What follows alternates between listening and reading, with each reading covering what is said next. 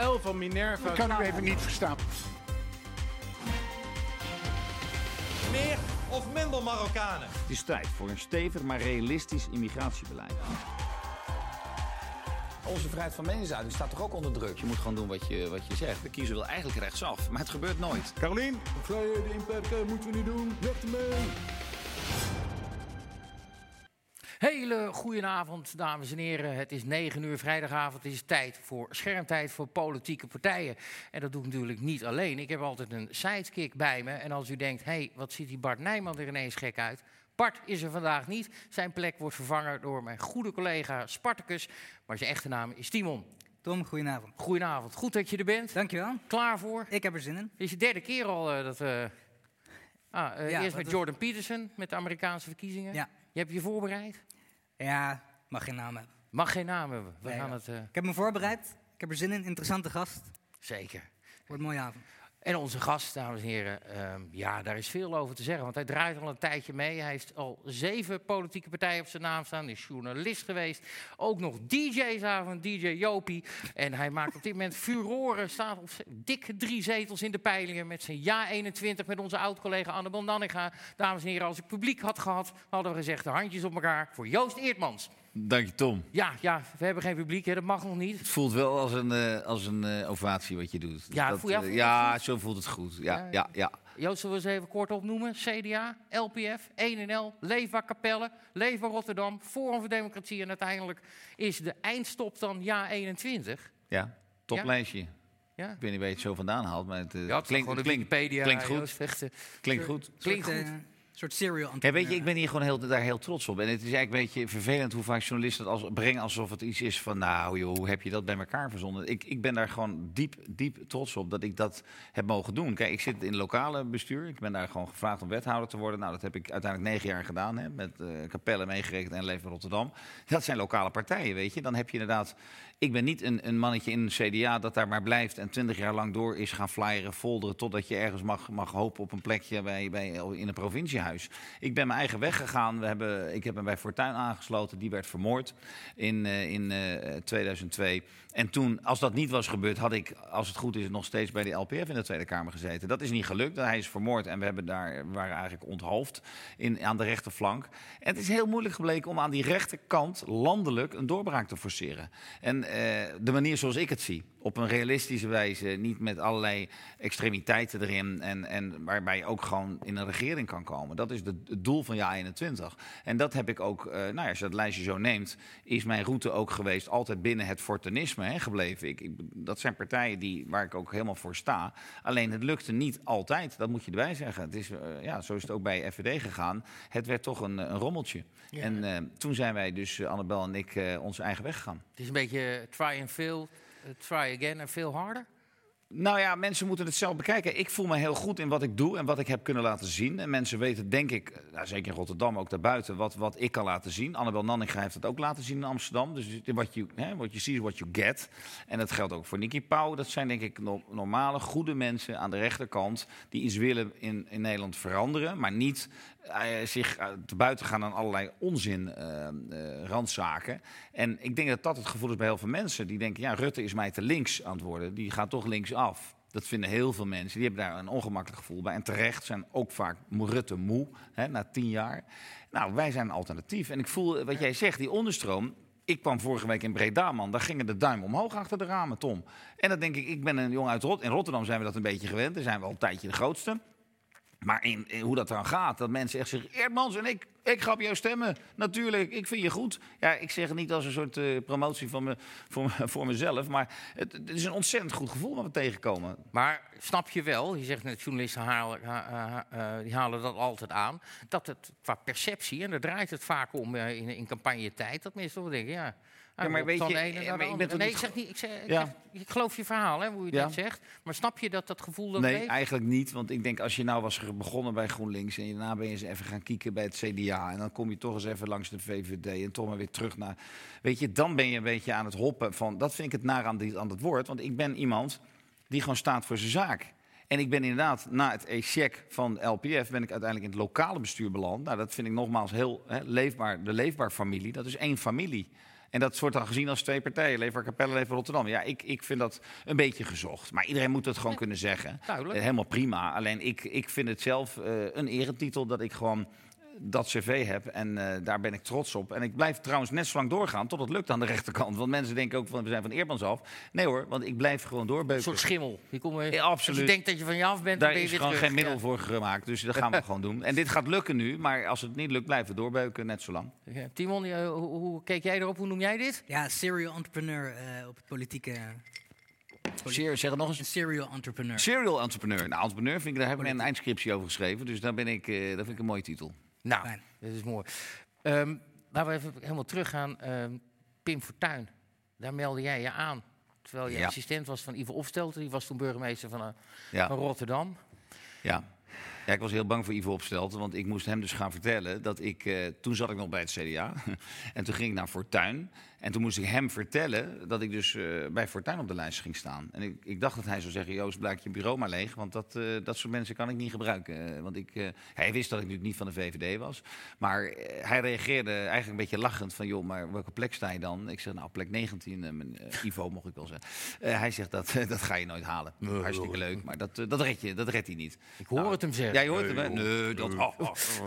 Maar uiteindelijk eh, is er, werd het dus 26. Dus ik, ik, eh, maar hij, zei wel tegen mij, Joost, jij mag gewoon blijven. En dan moet je alleen in je eigen tijd doen en niet eh, in de Belgische tijd. Dus je mag voor, die, voor, voor Fortuin eh, gaan flyeren.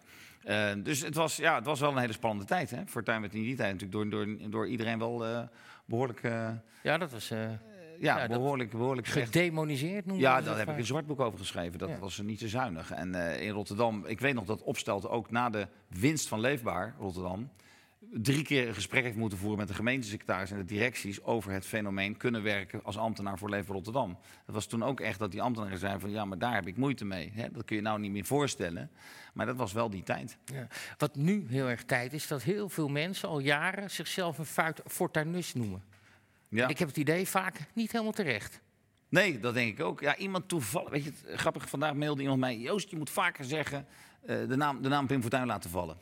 Eh, terwijl anderen weer zeggen, ja, hou nou eens op over Pim Fortuyn. Hè, Wat vind jij? eh, ja, ik vind ook niet dat je er elke dag mee moet te koop lopen. Want, Ben je zelf eh, een fortuinist? Ik ben een fortunist. Ik Wat is dat, een fortuinist? Nou, ik heb dat wel eens opgeschreven. Dat is absoluut eh, eh, hè, doelen stellen die je ook... Nou, het is focus op wat je wilt bereiken. Eh, zonder taboes, dingen bespreken. Dus duidelijk zijn over de problemen die er in de multiculturele samenleving leven. Dat is echt de des fortuins, denk ik. Ehm, ja, en ik had een hele sterke klik met Pim Fortuyn zelf... over het fenomeen overheids, eh, de overheidsziekte eigenlijk. Het, het, het, het, het, uitdijende apparaat. Het niet kunnen nakomen van eh, afspraken. Zeg maar wat nu we een beetje met de toeslagenaffaire meemaken. De anti-overheid. Daar heb ik toen met hem over gesproken. Daar wilde ik ook echt me voor inzetten. Daar heb ik ook meerdere plannen voor geschreven toen ik Kamer- Kamerlid werd. Ja, dat fenomeen, eh, de dienstbare overheid, eh, dat, dat, eh, dat we. nu ook, hè? Wat zeg je? Dat is actueel Dat is nu weer zeer actueel. Nou, ons eerste hoofdstuk gaat erover bij jaar ja, 21. zag ik, ja. Ja, dat is helemaal daarin geschreven eigenlijk van een andere overheid die niet met zijn rug... en Eigenlijk de ja-overheid kun je het ook noemen, of service with a smile. Dat de, over, dat de ambtenaar gewoon weer naar de mensen toekomt en, en kijkt, hè, figuurlijk... in plaats van alles afremt en overal op de, op de rem gaat staan. Maar wie, ehm, eh, de vraag wordt natuurlijk vaker gesteld en eigenlijk is daar denk ik geen goed antwoord op. Wie is de huidige Pim Fortuyn? Dus laat ik me zo stellen, wie komt het dichtste bij de huidige Pim Fortuyn? Of eh, eh, Ja. op dit moment bij Pim Fortuyn? Ja, ik vind niemand, want in, in die zin was dat een Ook niet in de buurt? uniek geval. Nou ja, weet je, we zitten... rechterflank zit natuurlijk Wilders, heeft wat van Baudet, heeft er wat van. je ziet het in bij ons, denk ik bij jij 21, absoluut. Ik denk dat we er ook in mee, in mee kunnen komen. Omdat ik, ja, ik, kijk, ik ben natuurlijk met hem de politiek ingerold. Dus ik heb, ik heb ook echt met, zijn werk te maken gehad. Maar of je dat een. Ja, kijk, ik voel me een fortunist, maar of je in zijn voetsporen kan treden, überhaupt als politicus. Het was ook een hele, weet je, een andere tijd, zeg ik wel. Want we kwamen toen echt uit een PvdA-overheersing weet je, met Melkert en, en we hadden Dijkstal. En dat was eh, voor hem ook een, ja, weet je, de, de wedstrijd die hij, die hij eh, liep, was zo nodig in die tijd. Er waren zoveel mensen aan toe, dat is nu bijna niet meer voor te stellen. Want nu zijn er natuurlijk alternatieven om op te stemmen. In die tijd was het of Melkert of Dijkstal of je had Balkende, Hoop Scheffer, ik weet niet eens meer precies. Het was denk ik Balkende. En eh, dat, dat, dat was, dat was, hij was een verademing, weet je. In die tijd Ja. snakten mensen naar, naar, naar hem. En, en nu is het denk ik wat, wat minder overzichtelijk dan toen. En nog steeds zie je dat de mensen op de vlucht zijn, in feite, politiek gezien.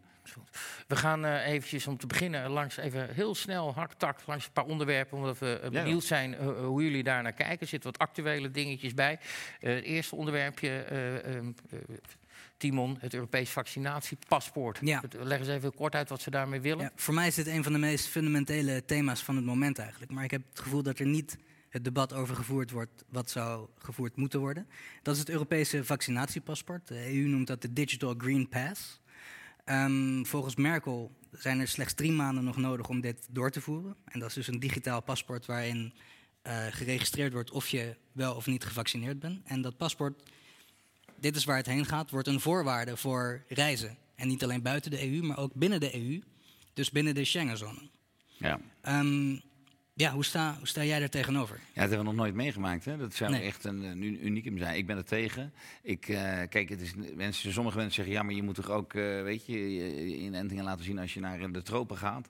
En eh, daar vind ik het totaal niet meer vergelijkbaar. Dit is bijna een voorwaarde om inderdaad een vliegtuig in te stappen, eh, terwijl je gewoon reist naar landen waar, waar binnen je normaal altijd kan reizen. Dus het is een be- belemmering. Het is een beperking van je vrijheid om te, te reizen. Dus ik vind het een hele slechte zaak. Ja. ja, de EU had natuurlijk de keuze. Het is of toegeven dat de Schengenzone eh, tijdelijk ten einde is, of misschien wel Ja. permanent ten einde. Of een, eh, een workaround, en dat is een, een vaccinatiepaspoort. Ja.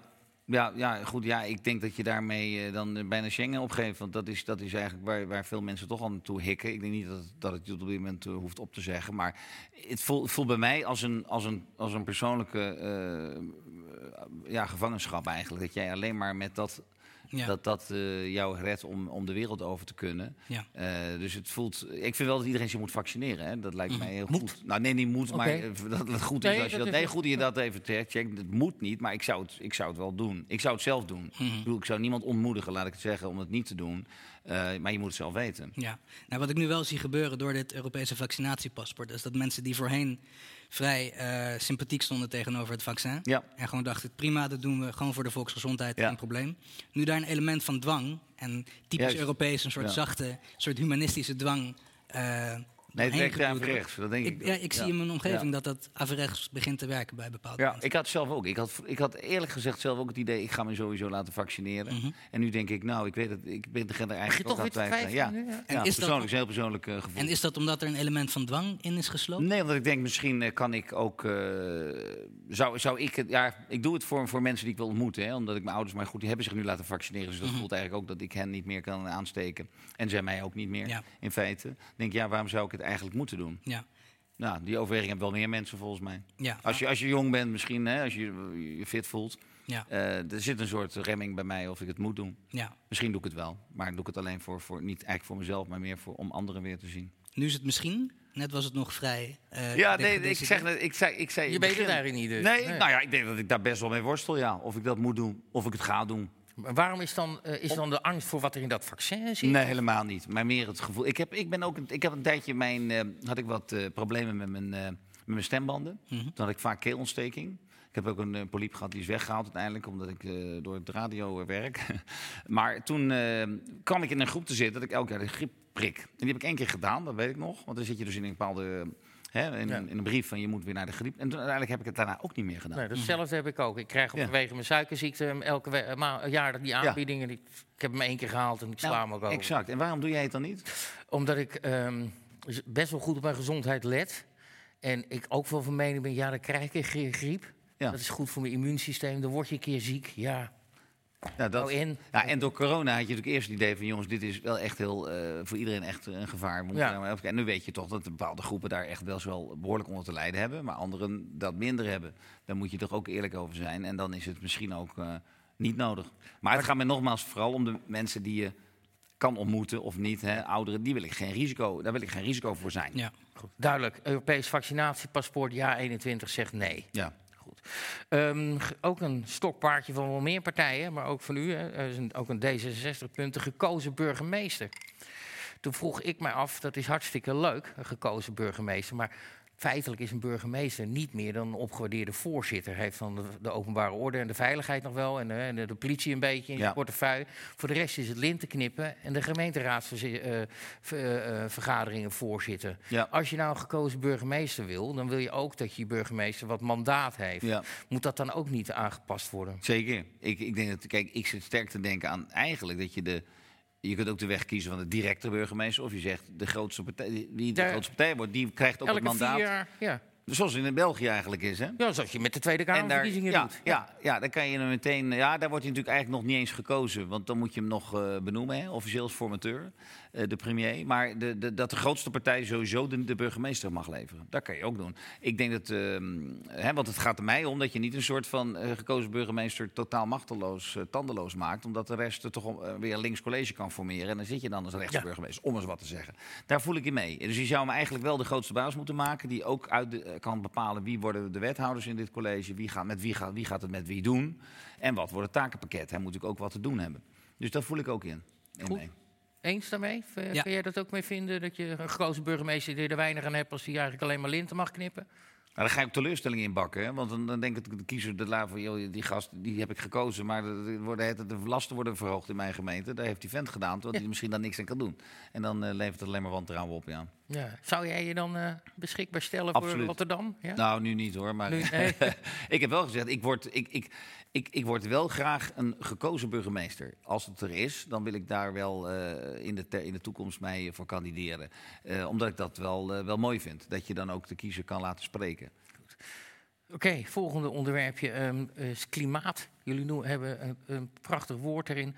Klimaatadaptatie. Ja. Die, die had ik nog nooit bij Scrabble neergelegd. Leg, leg Toch zo'n dubbele woordwaarde, maar Wat bedoelen jullie Nee, daarmee? dat is eigenlijk het aanpassen aan de, aan de, aan de temperatuurstijging. Dus feitelijk de dijken verhogen en het, eh, de water, het water keren als de zeespiegel gaat stijgen. Dus je bedoelt van in plaats van, de, eh, zo las ik het ook in het verkiezingsprogramma, in plaats van dat je zegt we gaan proberen dat klimaat te veranderen, daar zijn we uiteraard voor van invloed met z'n allen, zeg je van eh, we, we gaan ons daar, wij gaan ons aanpassen op het klimaat. Exact, omdat het daarmee je stuiver, zeg maar, je, je euro meer waard is. Omdat een, het voorkomen van een wereldklimaat, temperatuurdaling, is gewoon een uitzichtloze eh, put van geld waar je, waar je het over hebt. Voor Nederland uitzichtloos, omdat het je, wat je ook doet, we zijn te klein. Om, om het wereldklimaat te beïnvloeden. China maakt alles hier 40 keer ongedaan, ook al zit het hele land vol met windmolens. Maar twee is, met een, een, een paar euro's kun je natuurlijk wel heel goed je dijken hè, je de- het water eh, terughouden, de dijken verhogen of eh, eh, je, waterkering verhogen. Eh, daarmee kan je wel degelijk, we hebben de beste innovators, we hebben de experts in huis in Nederland. We kunnen dat heel goed, we zijn zeer goed in watermanagement. Dus ik denk dat je daar ook qua werkgelegenheid heel veel meer uit kan halen. En bovendien, dan help je ook echt iets. Want dan, als ik woon onder die zeespiegel. Hè. Wij wonen bij, vlakbij het laagste punt van Nederland. Ik woon tegen Nieuwekerk aan, aan de IJssel. Daar zit het laagste punt van, eh, van het land. Ja, daar zullen mensen ook echt over nadenken. Van als dat water blijft stijgen. Het is nu al zo, als die dijken doorbreken... dan moet ik naar de bovenste verdieping bij mijn zoontje. Anders dan, eh, dan verdrinken we. Dus dat is gewoon een heel relevant punt. Als dat water stijgt, dan moeten we daarop voorbereid zijn. We hebben eh, eh, iemand bij jullie in de partij, hele jonge jongen, Ja. Leon heet hij. Leon Baten? Ja, die hebben jullie ingeschakeld om het nog eens even voor de jeugd kort uit te leggen. We hebben niet veel instartjes vandaag. Dit is de enige. Laten we er even kort kijken naar instartje 1. Leon van Ja 21.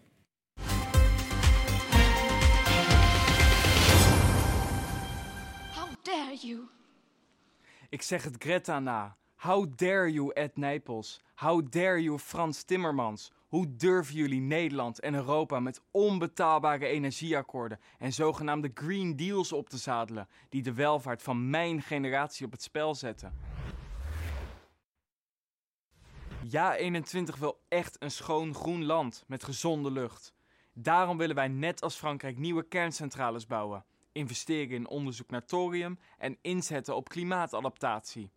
Ons land heeft een eeuwenoude traditie van waterbeheersing. We zijn de uitvinders van de deltawerken en we hebben de beste ingenieurs ter wereld. Tegen mijn leeftijdsgenoten zeg ik: blijf onafhankelijk denken en laat je niet aanpraten dat de wereld vergaat als we stoppen met het huidige beleid. Blijf realistisch, kies voor onze welvaart en denk aan je toekomst. Stem daarom op 17 maart ja 21.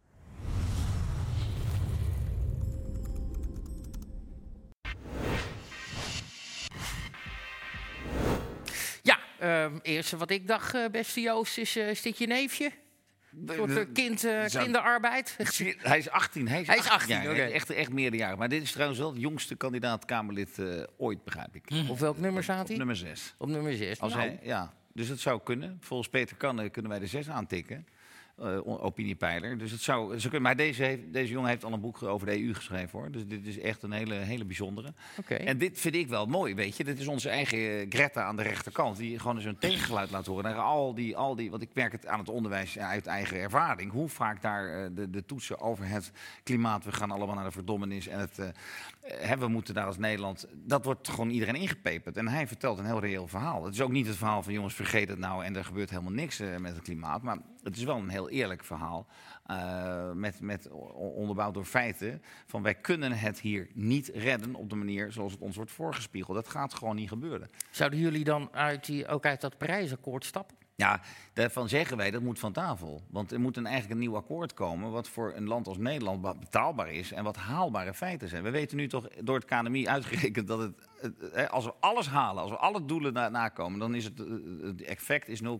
Dat is al zo vaak herhaald, dat getal. En dat is dus. Weet je, dan is het dus niet waard om daarvoor zoveel miljarden per jaar om te gaan zetten in windmolens. Maar als eh, we aan de ene kant zeggen, eh, wij als klein land, hè, het is maar zo'n beetje, we, doen, we, hè, we willen het beste jongetje van de klas zijn, maar het heeft weinig effect verder als dat wij doen. Maar aan de andere kant, als klein landje ook willen vechten tegen de rest van Europa, die, de mensen die dat Parijsakkoord bijvoorbeeld hebben getekend, al die landen, Ja, dan dan kun je er verliezen beter we bij zitten, bedoel je? Of, Ja. Ja, weet het niet. Ik denk heel vaak. ding. Ja, je kunt beter iets veranderen, denk ik, als je daar eh, toe in staat bent eh, vanuit Nederland. Dan dat je zegt, we trekken ons daaruit terug en het wordt toch over ons uitgestort. Dan ben ik er meer van dat je dat probeert bij te sturen. Maar kijk, wat, wat is het in Nederland? Je moet A, proberen je eigen energie eh, op peil te gaan houden. Nou, daar zeggen wij kernenergie. Bouw dat uit, ga daarmee mee verder. Zolang als wij nog het gas moeten gebruiken, kun je daartoe toe besluiten. Dat vinden inmiddels ook mensen op de linkerzijde. Bijvoorbeeld een Plasterk heeft er bijna elke week een column over. En je moet je beschermen. Dus je, moet duidelijk zijn dat je het land wel beschermt tegen problemen die we kunnen krijgen. Dat is de klimaatadaptatie. En hij zegt terecht, Leon Baten, het gaat om de, waar we zo goed in zijn. Daar is Nederland nou bij uitstek heel erg in, in, eh, voor in de race. Dat wij dat kunnen doen. Maar jullie zeggen ook, gas gewoon leegpompen in Groningen. Nee, daar sta- staan we achter het akkoord 2022 stoppen met gasboren in Groningen. Maar we halen het uit Noorwegen. En we halen het uit Rusland. En dan zegt iedereen, och, we halen het uit Rusland. Ja, we halen het ook uit Rusland. Oké, dan heb ik het verkeerd gelezen. Ik dacht recht dat er stond dat je het leeg Nee, zou 2022 stoppen we. 2000, akkoord met het akkoord van, eh van Wiebes. Ja. Kort laatste dingetje nog. eh, van vandaag in dit nieuws. Eh, een aantal jaar geleden heeft Thierry Baudet een mo- motie ingediend over de encryptie van WhatsApp zo te houden. Dus dat de overheid, justitie en dergelijke daar niet makkelijker bij kwam. En vandaag kwam naar buiten dat het kabinet wel degelijk die encryptie wil verzwakken. Voor? Voor de, eh, op WhatsApp, op Telegram berichten. Voor, om criminelen te kunnen Oh. Eh, dan gaat men eigenlijk rechtstreeks in tegen de motie die is aangenomen door, voltallige- door de Kamer de vorige keer. Door, om dat niet te verzwakken. Hoe Ik, weet niet, ik heb dit niet gevolgd, als ik Nee. heel eerlijk moet zeggen, Tom. Eh. nee, we vroegen gewoon af. eh, die encryptie is, is natuurlijk voor je privacy heel belangrijk. Eh, maar criminelen maken gebruik van Telegram, maar ook van WhatsApp en dergelijke. Als, oh, je, dat, zou, ja, ja, ja, ja. als je dat verzwakt, dan zou, de, zou justitie indien nodig er makkelijker bij kunnen, makkelijker kunnen opsporen. Ja, wij, ik begin steeds, dat hebben wij trouwens ook in ons programma gezegd. Ik, vind, eh, ik ben enorm van hard, tof van crime. Tough on Mhm. crime. Je moet ze aanpakken en pakken waar je kan. Maar het, het begint nu wel zo, zo te worden dat met al die data, gegevens... en je ziet het ook met, eh, met, je zag het al bij de GGD... dat daar wel heel gemakkelijk mee wordt omgesprongen. Dus ik vind dat wel een risico. Dat mensen die, eh, die zonder dat ze het weten op die manier hun gegevens zien verdwijnen. Dus dan, dan sta ik wel aan de kant van, van de Kamer. Toch verzwakken. In dit punt, ja. Oké, duidelijk. We gaan eh, even wat langer praten. Want ja, ehm, we hadden, eh, je doet altijd een beetje een voorgesprekje. Dat heb ik met je, eh, je assistent gedaan, je collega. Ehm, we willen niet die hele soap con- reconstrueren. Het boek hebben we allemaal gelezen, wat er tussen Thierry is gebeurd. Maar er zijn, we kunnen het ook niet onbesproken laten. Er zijn toch wel een, een aantal vragen. Timon, wat zou jij als eerste willen weten erover? Ja, ik denk, ik eh, spreek namens mezelf, maar ook voor veel kijkers, denk ik. Ik reken mezelf nu even tot een zwevende kiezer. Eh, ja, interesse in FVD, ja, 21, ja, PVV misschien ook wel.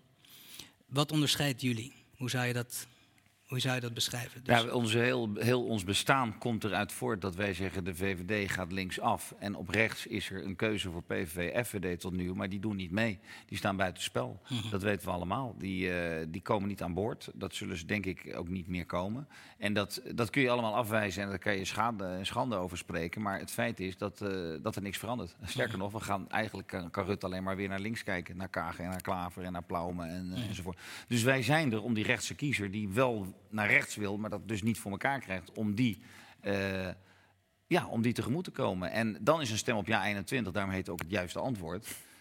Het antwoord op de vraag, waar moet die rechtse kiezer naartoe? Nou, wij zijn rechts, we hebben duidelijke standpunten over EU, over migratie, over het klimaat. Ehm, en wij kunnen boter bij de vis leveren. En zo zit ik in de politiek, en, en Annabel ook, en, en met ons, en Nicky, en, en Maarten Goudswaard en de hele lijst. Wij vinden dat we dan ook moeten kunnen leveren. En ik denk dat heel veel mensen een reële, realistische stem op rechts willen geven. eh, voor, een, eh, voor een partij die ook niet met wappies en met extreme en rare uitspraken. En nou, daar kennen we allemaal de voorbeelden van. Nee. Dat willen ze niet. Maar- Maar ik denk dat, dat is onze, onze overtuiging.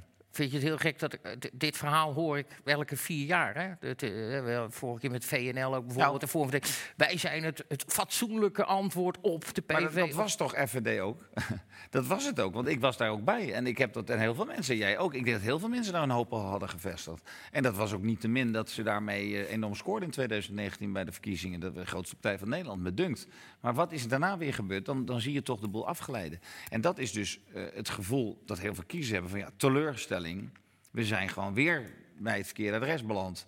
En we gaan of weer naar de VVD of naar de PVV. En PVV is denk ik eh, geen oplossing. Is, is vooral een protest. En ik hoop dat als wij een aantal zetels krijgen... en in Nederland kan het zomaar gebeuren dat je met zes zetels... eh, in een kabinet terecht kan komen. Die, Nu al, denk je dat? nou, de ChristenUnie zit er met vijf, eh, met twee ministers nu. Ik weet niet of het in één keer lukt, Tom. Maar dan lukt het misschien de volgende keer. Maar wel zeker dat jij niet wordt uitgesloten. Wij zijn niet door Hoekstra of Rutte aan de kant geschoven. Zoals hij dat heel echt, echt makkelijk met één zinnetje over Wilders zei. Weet je nog, Mark Rutte? Van nee, met de PVV. Ja, die arrogantie, dat is toch niet te geloven? Dus wij doen er alles aan, in, in ons vermogen... om de kiezer naar rechts, eh, hè, de kiezer die ons beloont... Om die, om die te helpen dat we naar rechts gaan. Maar waarin zijn jullie dan zoveel fatsoenlijker? Ja, dat, in mijn overtuiging zijn we gewoon normaal. En ik hoef, Ja, eh, maar ja, is- ik hoef helemaal geen fatsoensrakker te zijn. We zijn gewoon rechtse mensen. Dat, kijk naar hoe we in Rotterdam het doen. Kijk naar eh, hoe Annabel het doet. Dat is, dat is denk ik een, een praktijkervaring. Wat voor karakter heb je, denk ik? Nou, maar neem dan voor, je, je zat, ging bij die partij. Er zijn standpunten bij Forum voor Democratie, die waren daar een jaar geleden al. Die zijn er nu nog steeds in het verkiezingsprogramma. Die zijn nu anders bij jullie. En, eh, schiet jij hem eens eventjes voor eh, de Nexit bijvoorbeeld, het Europees beleid. Ja, ik las in jullie partijprogramma, jullie zijn tegen een exit. Klopt dat? Maar jullie zijn wel voor, ja, ik lees het als een soort hervorming. Dus jullie willen in plaats van de EU, willen jullie een gemeenschap van Europese staten. Maar daaruit hoor ik dat jullie van binnenuit de EU willen hervormen tot een gemeenschap van Europese staten. Ik zelf sta daar extreem sceptisch tegenover dat, dat de EU in zijn huidige structuur van binnenuit fundamenteel hervormd kan worden. Ik zie dat persoonlijk niet gebeuren. Eh, hoe kijk jij er tegenaan? Nou, ik, ik- gemeenschap van staten, dat klinkt bijna als een soort federatie. Dat is niet wat wij willen. We willen gewoon... Nou, dit staat letterlijk in jullie Ja, maar goed, gemeenschap van Europese staten. Nou ja, het gaat erom dat je een soeverein eh, land bent en dan in een samenwerking opereert met andere landen, zonder dat je je ziel en zaligheid verkoopt aan, aan eh, de as eh, Berlijn-Parijs. Ja. Daar gaat het mij om. Wij vinden dat we, hoe we nu geregeld hebben met het monetair beleid, vinden wij gewoon naadje voor ons land. Daar gaat gewoon elk jaar 3 miljard netto naartoe. Zijn de grootste netto-betaler van de Unie. We laten onze oren hangen eh, naar het asielbeleid. Hè. Er, wordt, er wordt een nieuw pact gesmeed op dit moment, een asielpact. Dat wordt op, over ons uitgestort. Er is nooit een Mark Rutte die zegt, maar ik trek het niet, ik doe het niet, zoals David Cameron dat deed. Er wordt alleen maar getekend bij het kruisje, zoals Juncker dat heeft gezegd. Hè, Mark Rutte tekent uiteindelijk altijd wel bij het kruisje. Dat is ook wat we, wat we zien. Hè. Er wordt een nieuw coronafonds opgetuigd met honderden miljarden. Ja. Daar staat Nederland garant voor. Er worden eurobonds uitgegeven. Het maakt allemaal niet uit. Dat is het punt. Ja. En ik vind dat je binnen de Europese Unie veel harder op je, hè, met de vuist op tafel kan slaan. Maar dat doen we gewoon niet. We zijn geen Thatcher. We zijn gewoon eigenlijk een soort Guy Verhofstadt eh, punt- punt 2.0. We doen gewoon mee aan het spel. Kijk, en dan zegt... Thierry zegt, ja, dat doet Rutte alleen maar omdat hij een baantje wil. En er wordt, dat soort dingen worden erbij verzonnen. Dat, dat denk ik dus niet. Maar ik denk wel dat hij veel te veel zijn oren laat hangen naar Frankrijk en, en, eh, Ja. en, en Duitsland. En ik vind de dreiging van een Nexit, vind ik daarboven wel goed. Hè, dat je kan zeggen van ja, maar als wij onze zin niet krijgen, als wij nog steeds het lulletje van Europa zijn, ja, dan is dat wel een optie. Maar je. wacht, maar wacht even, eh, Joost. Want je zegt eh, vrij stellig laatst ook in interviews gezegd... wij zijn niet voor een exit. Nu zeg je eigenlijk, nou, we houden die optie wel open. Ja, maar er staat, dat is toch niet eh, verboden? Nee, dat is niet verboden. Maar een paar dagen terug hoor ik je nog vrij duidelijk zeggen... Ik eh, vind een ben Nexit te- nu niet verstandig. Maar je wil de optie open houden. Als wij op die manier het, het, hè, het, het gek Henkie van Europa blijven, we laten de grenzen openstaan. Wij zeggen we kunnen grenscontroles, moeten we wel de garantie hebben dat we binnen Schengen dat mogen doen, hè, zoals Denemarken. Er zijn nu hele zware voorwaarden voor, want je moet Bulgaarse bendes tegen willen houden. Allemaal. Als dat niet kan, dan hebben we een probleem, weet je, binnen Schengen.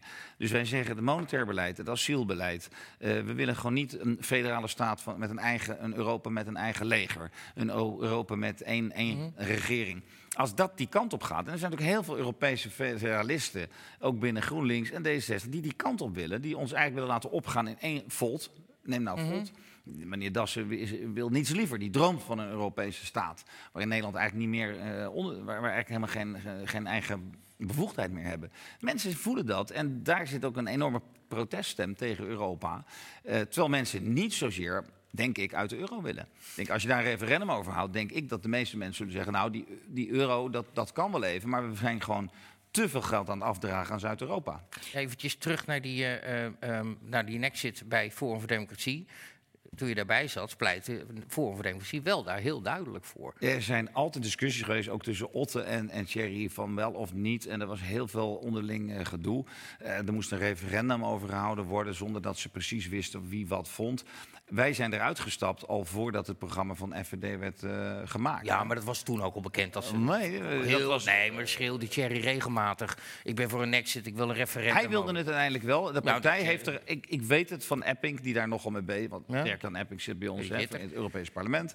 Die zei daar ook van. Nou, daar wordt best wel flink over gediscussieerd. Ook binnen de, de volksvertegenwoordiging. Is het dan uiteindelijk toch dat je dan eh, denkt van... oké, deze verlies ik, die hoort er dan maar even bij. Ik had altijd het gevoel van, nou, ik heb daar mijn reserves bij, maar ik, ik ga hier niet, eh, weet je, we kunnen hier, eh, we zullen het zien, hoe het programma zich gaat eh, ontwikkelen. Nou, tot zover is het gewoon niet gekomen. Ja, ik wil hier toch nog even op doorgaan. Want wat ik eigenlijk hoor is dat jullie zijn voor een. Jullie willen terug naar de Europese Economische Gemeenschap, eigenlijk. De, een beetje de voorloper van de, de, EU. de, de gemeenschappelijke markt is natuurlijk helemaal prima. Ja, precies. Maar realistisch gezien, denkt u dat de EU van binnenuit dusdanig hervormd kan worden? Ja, dat moet wel kunnen, ja. En kijk, het lukte Cameron niet, moet je er wel bij zeggen. Want die heeft uiteindelijk het moeten bekopen met de brexit. Maar die had precies dezelfde opdracht natuurlijk. Hè? Ja. Maar als er meerdere landen zijn die dit, hè, die dit willen... Die, die, die Europa op die manier gewoon niet evenwichtig vinden... en die niet kunnen accepteren dat wij maar blijven schulden toekennen aan, eh, aan het zuiden. Want neem nou bijvoorbeeld de corona. Daar worden natuurlijk allemaal schulden opgebouwd nu in Portugal, Spanje. Dat weet je gewoon. Nou, wie gaat die rekening dan betalen straks? Wie gaat dat betalen? Ja, daar gaat het mij om. Dus je kunt zeggen, ja, hervormingen helpen niet. Een exit, ja, daar ben je ook nog wel even mee bezig. Eh, dat, dat is het punt. Eh, dus ik denk dat je veel kan bereiken als je, als je, maar, als je het wil. Als je Ja. het echt wil. Dus je gelooft erin dat de EU van Ik binnenuit... denk dat we van binnenuit veel beter kunnen, ons, ons belang kunnen bevechten. Ja. Dat Kunnen wij dat, maken wij dat nog mee? Ja, dat maakt je sneller mee dan een Nexit, denk ik ook. Maar eh, dat denk ik wel. Maar de Nexit wel als een zwaard erboven. Als, als, als een zwaard van Damocles erboven. Ja, kijk, ik geloof wel in een euro. Uiteindelijk. Dat je dus eruit stapt met een aantal eh, Noord-Europese landen. Misschien kan zelfs de Engelse, Engelse pond er, weet je, dat je daarbij aansluit. Ja, waarom niet? Dat zijn landen waar ik van denk, daar zit dezelfde belastingmoraal. Daar wordt, ge- weet je, gewerkt eh, op een manier, daar gaan we niet mensen op z'n 51 met pensioen, even eh, figuurlijk gezegd. Daar kun je wel een, een, een munt mee opbouwen, zeg maar. Ja. Ehm, even, waar had je nog iets ja, over? maar dan moet je er dus wel eerst uit. Dan moet je eruit stappen. dan maar misschien met een eerst- aantal landen tegelijk. Ja, Het is nog heel erg open, heb ik het idee. Jij ook? ik heb het ook. Ja. Laten we het even bijhouden. Ja. Dan toch nog eventjes naar, dat, eh, naar die soap eh, van Forum voor Democratie. Nogmaals, zonder eh, alles te reconstrueren. Ehm, uiteindelijk is dat be- befaamde diner in Tiel. Gedonder over welke muziek en wat. Nou, over dat schoolpleinniveau, dat, dat, dat, heb, dat ben ik inmiddels wel een beetje vergeten. Maar bij mij blijft toch, en daar moest ik Thierry ook wel een beetje gelijk geven, in het achterhoofd hangen. Al dat gedonder rondom Thierry. Dat speelde al veel langer. Die geruchten waren er al langer. Je zat er dichtbij. En ineens komt dan, is het dan, komt dan die druppel en iedereen rent weg. Die pool explodeert, implodeert. Sloten worden vervangen, wachtwoorden van de social media wordt vervangen. Ja. En ik blijf bij mij heel de zitten. Al die oneenigheid, die gekke dingen die gezegd zijn, die appjes en alles wat er, wat er gebeurd is.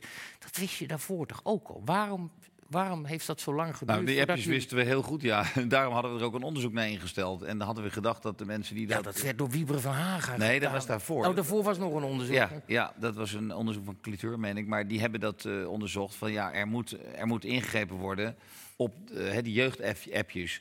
Daar bleek ineens van, en dat was toevallig datzelfde weekend als het etentje, bleek dat er dus, eh, hè, dat bracht toen HP de Tijd.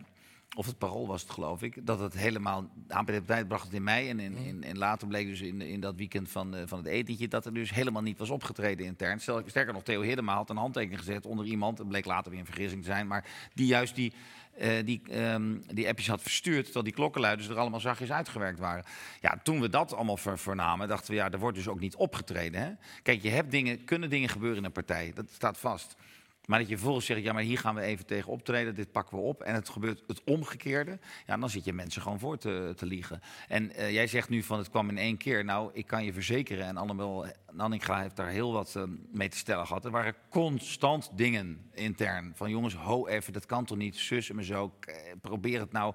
Kritiek werd, werd, werd niet geaccepteerd, werd weggebonjourd. Dus we hadden al het gevoel van ja, moet alles aan doen om om, om erbij te houden, weet je, op een goede manier. Ook rond corona, wat toen al speelde in die zomer. Daar hebben we hem ook kunnen overtuigen van, joh, dat moet je zo niet zeggen. Volgens mij kun je het beter zo doen. Nou, uiteindelijk eh, is dat tot een, eh, ja, dat heeft Annabel wel goed vergeleken met een relatie die niet lekker in elkaar zit. Je gaat niet meteen bij de eerste, weet je, sch- schermutseling zeggen van, joh, ik, ik, ik pak mijn spullen. Maar ja, als het nog een paar keer gebeurt en nog een keer, dan ben je er een keer klaar mee, Tom. En dat was Ja. het gewoon. Maar het voelt ook heel vaak wel dat je denkt bij jezelf... oké, ineens komt zoiets heftigs. Hè. Ze wordt opgepakt door de, eh, door, door, door de journalistiek naar buiten. Iedereen spreekt er dan ook schande van. Hè. We, wij liepen er ook in mee.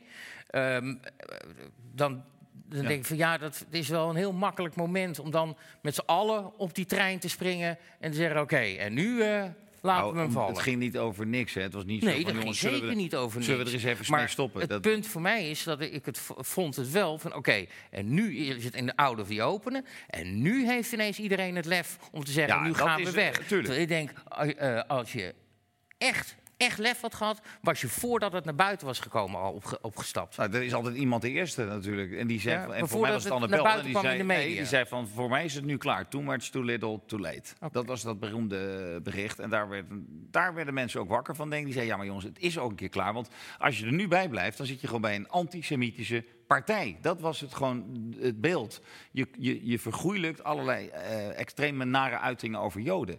eh, die daar gedaan waren en die dus onder de mat geveegd werden. En als dat niet was gebeurd, als er toen was gezegd, jongens, we treden op.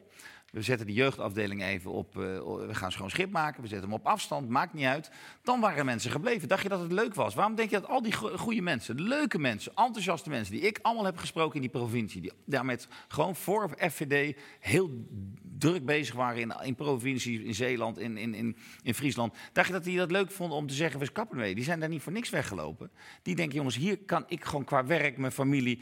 hier kan ik me gewoon niet mee afficheren. Nee, maar het is toch opvallend dat daarvoor niemand bij zichzelf dacht, jongen, dit gaat me nu Ja, maar je wilt ook niet zomaar een club verlaten, Tom? Je gaat er niet zeggen van, weet je wat, Nee, ik- dat wel op het vonden we moment dat het ineens in de out of the open is. ja, maar dat is het moment dat iemand begrijpt van, ja, dit, dit vind ik ook. En ik, ik kan me nu eigenlijk ook niet langer inhouden, want ik, ik voel mij er al niet, lang niet thuis.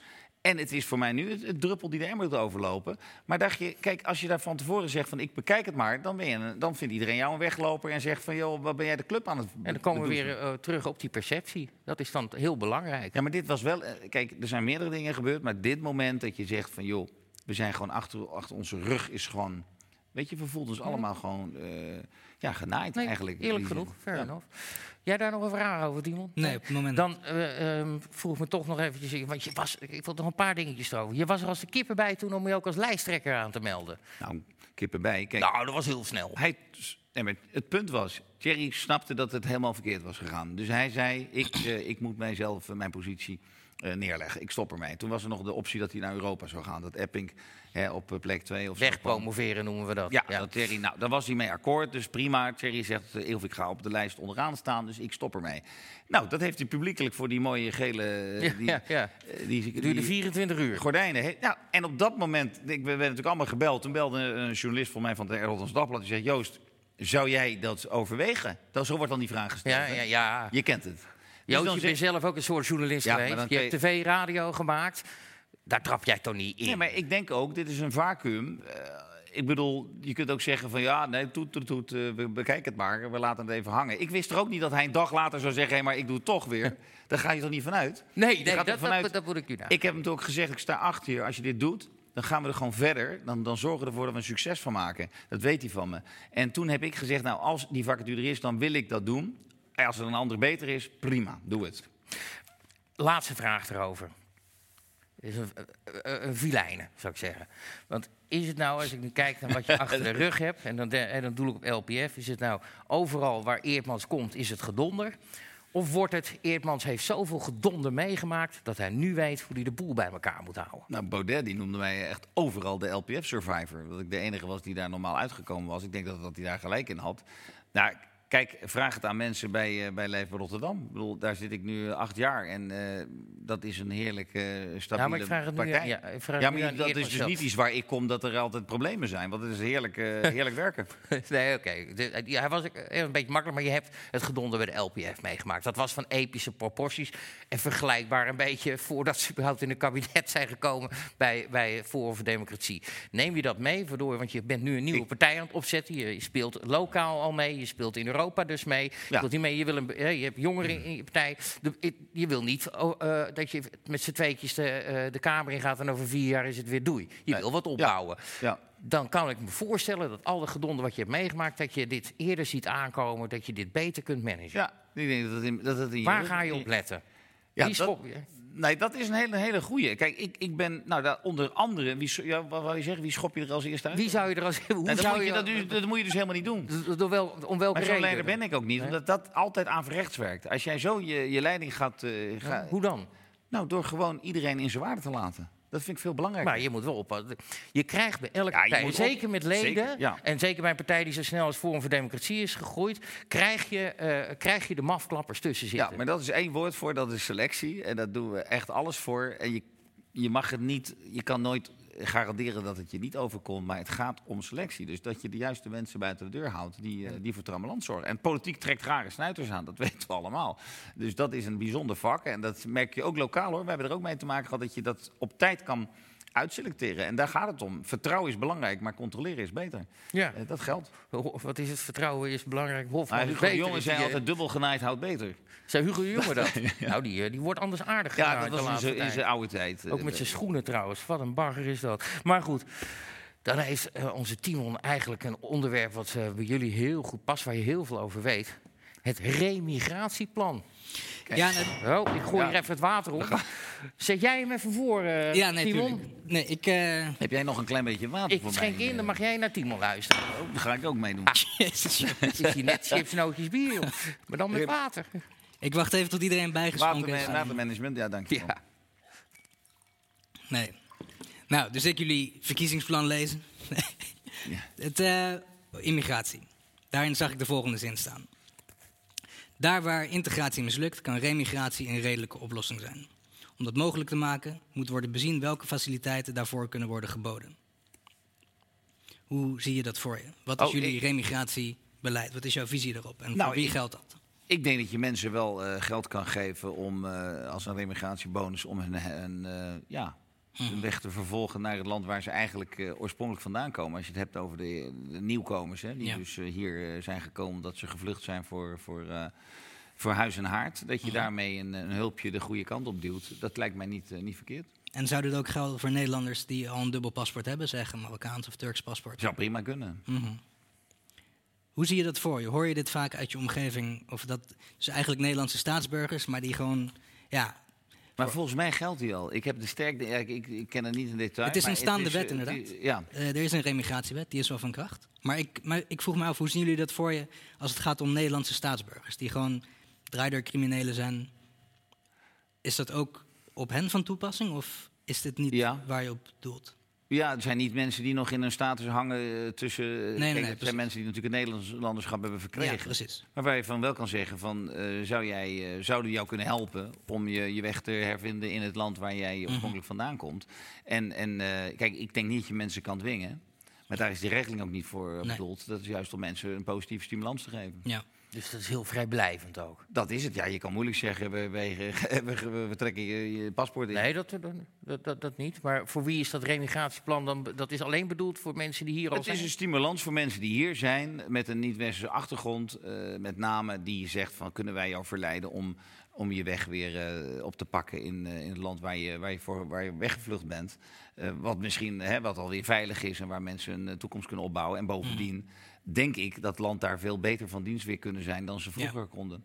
Ja, nu bestaat die wet al. Zijn jullie ervoor om het remigratiebedrag te verhogen? Om de Ja, daar moet ik in gaan duiken. Maar wij zijn, daar, wij zijn positief over remigratie. En als je dan kijkt naar eh, eh, eh, problemen die je bijvoorbeeld hebt, dat Marokko bijvoorbeeld Ja. hun eigen onderdanen liever niet terugziet. Nee. Want over het algemeen komen hier niet de, de, de, de leukste jongens naartoe. De, die- de gelukzoekers die inderdaad... Ja, eh, ja, daar heb ik het over de gelukzoekers. Ja. voordat ik even bedoel ik voordat ik iets verkeerd zeg, maar er zijn, is niet of nauwelijks afspraken te maken met Marokko over bijvoorbeeld je, je paspoort inleveren, je ja. nationaliteit, maar ook niet tussen teruggaan. Je, Ja. ze, accepteren Nou ja, daarvan niet. zeggen wij ook van, daar zou je veel harder eh, kunnen optreden. Ik En geloof hoe? dat de migratieadviesraad heeft gezegd, we, we, we, we saboteren ons eigen asielbeleid door, die, door die, die achterdeur maar de hele tijd dicht te laten. Daar moeten natuurlijk mensen uit die daar hier eh, helemaal niet moeten zijn. Dat is, ik begrijp, twee derde van de, eh, van de asielzoekers is ook eigenlijk gelukzoeker. Komt wel in de procedure, maar hoort daar helemaal niet in thuis.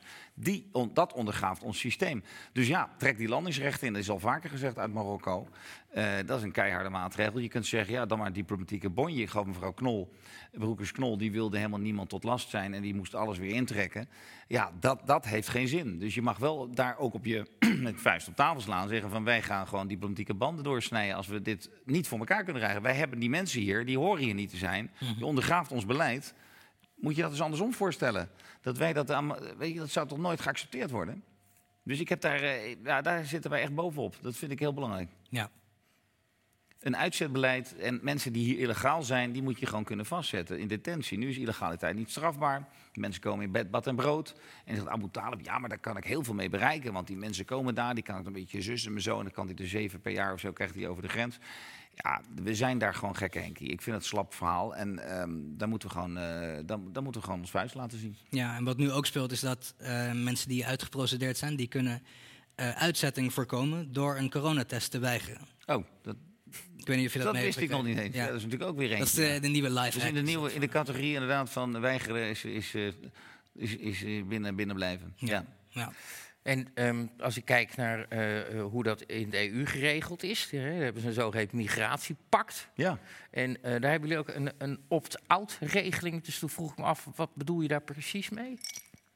Nou, wij kijken een beetje naar het gidsland Denemarken. Waarvan we weten dat daar eh, van alles eh, gebeurd is. Natuurlijk in, ook in politiek opzicht. En daar, daar hebben ze niet alleen die grenscontroles. Maar zeggen ze ook, we willen een opt-out. Voor dingen eh, als het gaat over afspraken rond asiel, rond geld, monetair beleid. Daar kunnen wij onszelf als, een, als land terugtrekken. Daar hoeven we ons niet aan te, aan te houden. Dat hebben ze al heel vroeg hebben ze dat daar vast laten leggen. En wij vinden dat niet te laat voor Nederland. En dan zeker een punt van migratie. Maar begrijp ik het dan goed? Hè? Kijk, ik ben natuurlijk geen politicus. En, dat je dan eh, afspraken maakt en zegt, behalve als het zo gaat, dan willen we eruit. Je bedoelt nu de Nexit? En ja, nee, maar met dat migratiepak in Europa. Je zegt, als, eh, Ja. eh, met een opt-out regeling, dus eigenlijk ja. spreek je iets af. Maar dan zeggen, behalve als dit en dit gebeurt, dan willen we nog wel de Nou, mogelijkheid hebben om dat te Denemarken heeft gewoon... In de hele Unie worden afspraken gemaakt, maar behalve voor Denemarken. Want die hebben daar de opt-out. Dat is het systeem. Dus je kunt die... Je bent eigenlijk in een generaal systeem zit jij als uitzondering aan tafel. Ze kunnen jou niks opleggen op dat gebied. Hè? Dus asielbeleid, opt-out, monetair beleid. Kun je in ieder geval... En die zijn weer aan voorwaarden onderhevig. Hè? Dat is natuurlijk ook niet dat je, dat je nergens aan, aan... Maar je kunt daar heel sterk, sterk je uitzonderingen claimen. En dat is wat wij moeten doen, denken wij. Dat is in ieder geval binnen de Unie een hele, hele goed, goed middel... om te zorgen dat je niet wordt meegetrokken in een, eh, in een federaal eh, opzet waar jij geen invloed op hebt. En ehm, blijf ik toch weer een beetje vergelijken met die rechterkant. Op de rechterkant is heel veel, er zijn heel veel kleine partijtjes.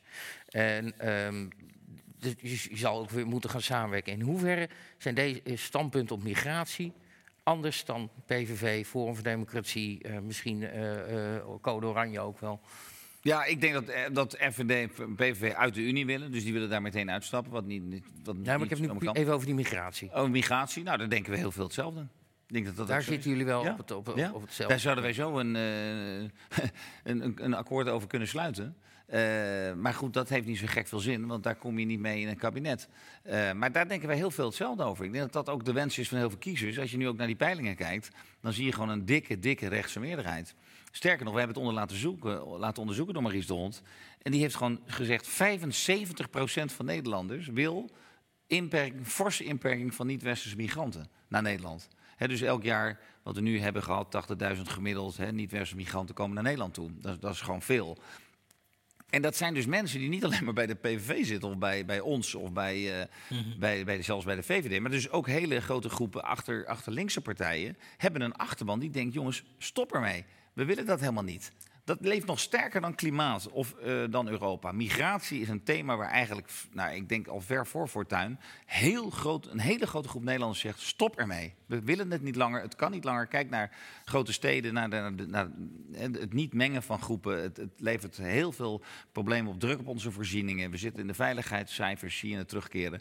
Er is gewoon, eh, het is genoeg eigenlijk. En daar moeten we dus op, op gaan, daar moeten we gewoon mee stoppen met die instroom.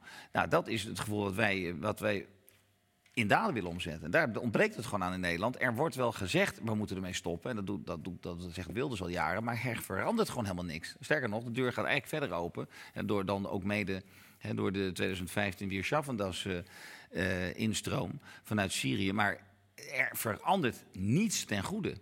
Dat is het probleem van Nederland. Hoe verklaar jij die discrepantie? Wat je net zegt, 75% van de hele bevolking is tegen. Of Ja. zou daar wat minder van willen zien. Hoe verklaar je die discrepantie tussen eigenlijk zoveel politieke partijen en hun achterban en de partij zelf? Ja, ik snap het niks. Ik snap Maar dat is een heel ja. fundamenteel fenomeen. Wat Ja, maar ik denk dat links zijn eigen achterban niet begrijpt. Dat heb ik al vaker, eh, dat idee. Want ik, ik vind het bij Abu Talib, weet je, die zegt soms wel eens wat straffe dingen. We hebben Paul Scherfer gehad. Er zijn wel een paar PvdA's die dat op, op, heel duidelijk zeggen. Eh, maar de, de, de leiding neemt, neemt het nooit over. De leiding blijft altijd hangen in, eh, in, in toch het beleid van eh, laat maar komen. Het is gewoon een, een, een slapte van, van, ik denk ook mm, een, een, het Nederlandse optreden in Europa. Hè. Het, het heeft, we denken altijd, we, zijn, ja, we moeten maar mee in de groep. Dat is denk ik het basisgevoel bij heel veel politici van Nederland in Europa. We, we, zijn, we voelen, en, en natuurlijk de Tweede Wereldoorlog die er altijd bijgesleept wordt. Ik bedoel, je hoeft maar iets erover te zeggen en je wordt nog steeds in die hoek gedouwd. Dat is voor mij niks nieuws. Dat, dat overkomt mij ook wel sinds Fortuin. Eh, maar eh, ze negeren de volkswil. Want de, het, het publiek wil het niet meer. Ja. ja, ik heb altijd het gevoel dat in die, in die bestuurlijke laag, in de politieke laag, dat daar als je echt doorvraagt, dat, het, dat uiteindelijk het gevoel van zelfbeschikking ontbreekt. Ja, En dus ze varen wat mee op, op, de, op het ritme van de geschiedenis en gewoon een beetje op hoe dingen gaan. ja. Maar echt die, dat gevoel van zelfbeschikking, dat ontbreekt. Er zit iets in Nederland waardoor we denken we moeten altijd eh, aardig gevonden worden. Hè? We zijn toch, we zijn de oor- oorsprong van inderdaad de EEG. We zijn hiermee begonnen, het avontuur. En we, moeten, we zijn open land, we zijn tolerant. Eh, Het, is, het wordt toch gezien als hardvochtig om, eh, om niet eh, de deur te sluiten. Hè? Om, om aan, je, aan jezelf te denken eigenlijk, Ja. zo gezegd. Dat wordt gezien als onvriendelijk en eh, eh, ja, niet tolerant. En ik denk dat dat juist wel, dat het juist intolerant is om het te blijven doen. Om mensen naar binnen te halen die hier geen toekomst hebben. Neem nou de Somalische, gemiddelde Somaliërs, eh, Somaliër die binnenkomt. Die, die, die eindigen bijna allemaal in de bijstand. Althans, een Ja, heel twee derde geloof ik. Ja, ja. En dan denk ik, wat is daar sociaal aan dan? Ja, ze zullen het misschien beter hebben dan in Somalië, maar hier Voor ook, is het sociaal. Ja, maar hier ook niet echt een toekomst. En voor, en voor de rest van, van de omgeving zien ze vaak nog eh, lange gewaden. Geen woord Nederlands, komt ook niet aan de baan. Dat, dat, dat is eigenlijk een, een enkele ticket naar eh, een beetje de onderklasse.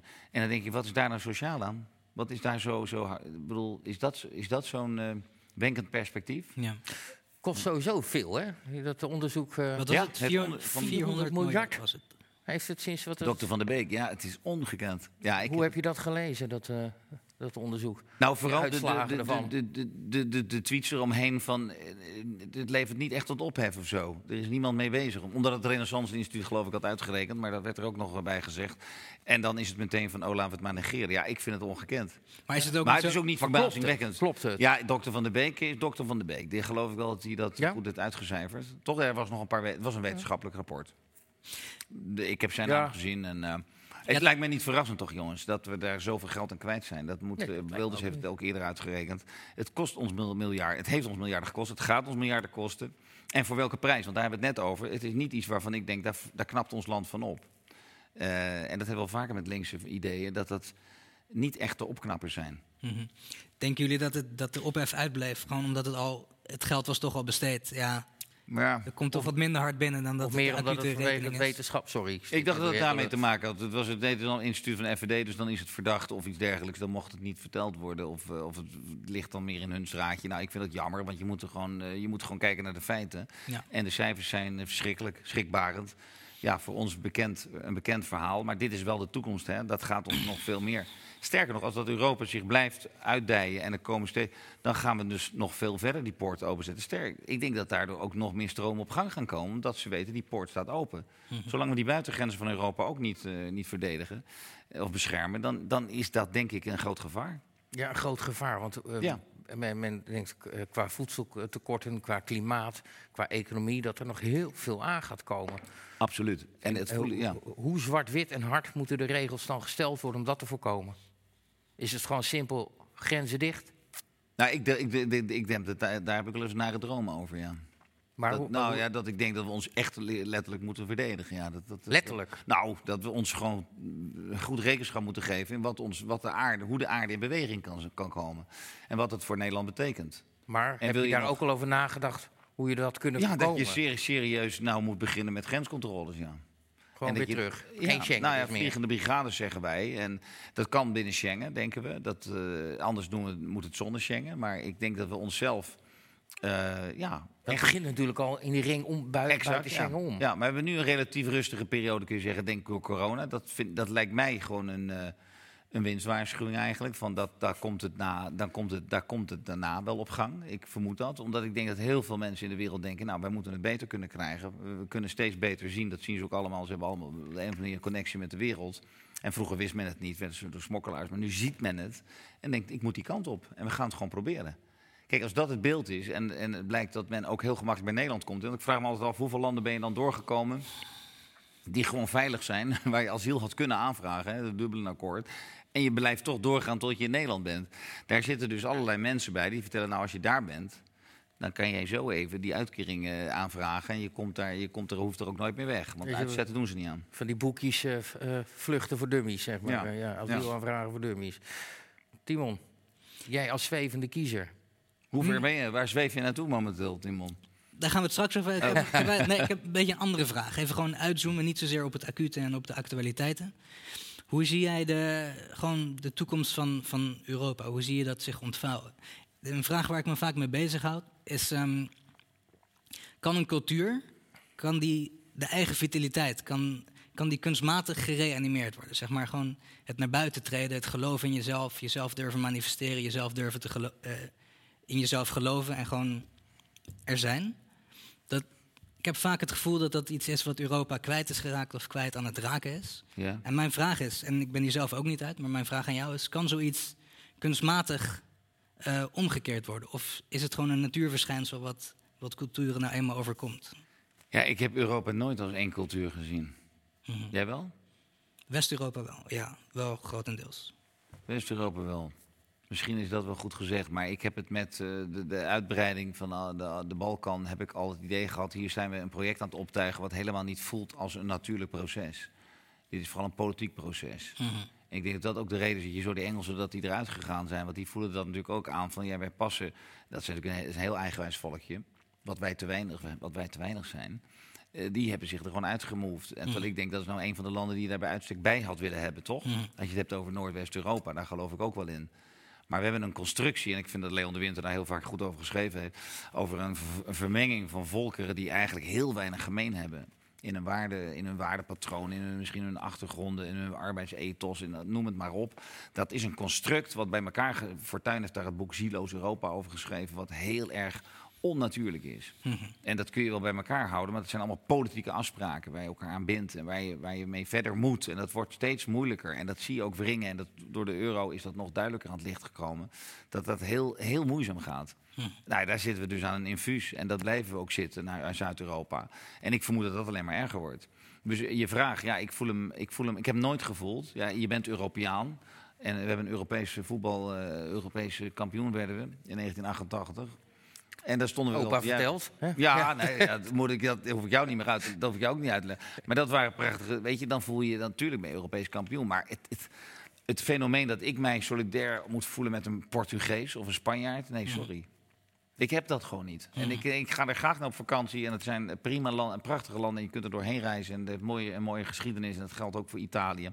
Maar of ik me daar identiek aan moet voelen, helemaal niet. Nee. Hoe heb jij dat, eh Timo? Voel jij je in Nederland? Want jij je hebt een kleurtje, je bent van origine Sri Lankees. Ja. Eh, kom je uit Sri Lanka? Heb jij eh, ooit wel eens het gevoel van dat dit een andere cultuur is? Dan wat? Dan, dan waar, je, waar je ver weg je roots niet liggen. Want jij bent ook hier gewoon opgegroeid. Of word jij wel eens anders behandeld? Of... Nee, nee, Nee, dat, heb je, nee. dat heb je totaal niet. nee, dat is nog nooit, Nee. naar mijn weten nog nooit gebeurd. Hoe komt het toch dat heel veel mensen dat dan wel hebben? Ja, dat is een vraag die ik me vaak, vaak af heb. Af, eh, Maar jij spreekt heel veel met mensen. Je, je twittert ook en dat soort dingen. Heb ja, niet heel veel hoor. Het was vooral toen, ehm, toen ehm, hoe heet hij nou van deze uh, Jette? Ja? Toen die een paar maanden geleden, of iets langer geleden, toen twitterde hij dat, dat iedereen van kleur, elke Nederlander van, elke Nederlander van kleur, elke dag opnieuw met racisme te maken krijgt. Ja, dat onderschrijf ik niet. Maar ja, ik sta er ook voor open dat andere, andere Nederlanders... ja, dat wel. Maar nee, ik niet. En Jij hoe dat dan komt, ja, dat weet ik niet. Daar ben ik niet uit. Nee. Ik weet het niet. Maak je je er druk om of ook niet? Nee, dat ook niet. Dat ook niet. Nee. Maar je, zit- denk, je- weten ze dat jij uit Sri Lanka, dat het, eh, dat het jouw roots zijn of niet? Dat hebben mensen dat, dat zien ze dat heel anders. Of als ze naar jou kijken, of als ze dat moeten gokken. Ik denk dat Ja, dat niet is, helemaal... dat is dus ook een vraag. Wat ik vaak hoor van, van vrienden, is dat zodra ze me hebben, de eerste, eerste keer dat ze me ontmoeten bijvoorbeeld, dat dat meteen wegviel als thema. Het was niet eens een vraag. Ja, Ja, dat heb ik ook heel vaak. ja. Dat, Ja? Ja, heb ik heel vaak. Dat ik, ik, heb niet eens, ik zie niet eens een kleur, maar dat, dat, dat... nee, maar dat vind ik ook grappig. Dat ik denk, ja, maar, of, of wie is daar nog zo mee bezig dan? Heel veel mensen is met kleur bezig. Kijk maar alleen maar naar de diversiteitsbokaal bij, Oh, bij de NPO. Ja, ik dacht dat je Sylvana weer. Maar dat, nee, dat, nee, nee, nee. Maar Maar, ik denk dat mensen aan de linkerkant daar veel meer mee bezig zijn dan mensen aan de rechterkant, weet je dat? ja, dat, oh, dat denk ik ook wel, ja. Maar ik denk, nou, ik denk altijd dat men... eh, En door die hele Black Lives nou, nee, Matter nee. ga je juist kijken naar van... ja, maar daardoor word je ineens op kleur gezet, Nou, wat ik dat helemaal niet had. Ik geloof heel erg dat die mensen die eh, staan te demonstreren, dat, die echt wel, eh, en dat, dat er ook echt wel discriminatie is in Ja, Nederland. ja, maar denk ik, denk dat, we het, dat ehm, eh, heel veel mensen van kleur zich af en toe ook wel lachen en het aandoenlijk vinden hoe wij proberen politiek correct te zijn. En dan, het prachtigste voorbeeld vond ik dat dat dan even niks met kleur te maken. De jodenkoeken, waarvan die, die, diegene die ze maakt, had besloten om de odekoeken van te maken. Waarop eh, het Sidi zei, nou dat vind ik het heel lief dat je aan ons denkt. maar we hebben nergens om gevraagd. En dat is het een beetje. gebeurt hè? heel erg vaak. We Het, heel het vaak wordt over- besloten door mensen die er zelf geen last van hebben. over, over u, zonder u. Maar dat, dat, dat, precies, dat je denkt, waar, waar maak jij een probleem van? Ja, denk ik en vaak is het, is het niet eens een probleem. Maar dat, ja. maar Nou goed. iedereen kan zijn eigen probleem eh, natuurlijk definiëren. Als jij voelt eh, dat je daar tekort wordt gedaan, dan, dan zal dat misschien dat je gevoel ook zijn. Het is moeilijk om dat, om dat te ontkennen, hè? Als je, of mensen als je een buitenstaander bent. Maar ik denk niet dat het in heel veel hoofden zit van ik behandel je anders. Omdat ik, ik heb daar geen moment vanavond aan gedacht, weet je wel? Nee. Iemand, geen moment. Nee, natuurlijk niet. Nee. Hey, jongens, ehm, ik moet er even duidelijk bij zeggen. Er zijn wat eh reaguurders voor ons. Kijkersvragen? Ja. Ja, de, de reaguurders vragen, maar ik moet er ook even bij zetten. Er zat ook één vraag bij. Eh, mag het alsjeblieft allemaal wat langer duren? Men luistert graag, maar we hebben afgesproken dat we een, een dik uur de tijd hebben. Je hebt morgenochtend vervelende dingen te doen. Dus we hebben nog vier reaguurders vragen voor je en dan, dan sluiten we af. Ja. Maar ik, ik zou nog uren met je kunnen doorpraten. Maar Nou, dat, doen we is misschien goed- een andere keer. Ja, Als je minister-president bent of zo, dan komen we een keer op het oor. Kom je. Nee. Eh, de eerste uh, reaguurdersvraag is van Very Groom of Very Groom.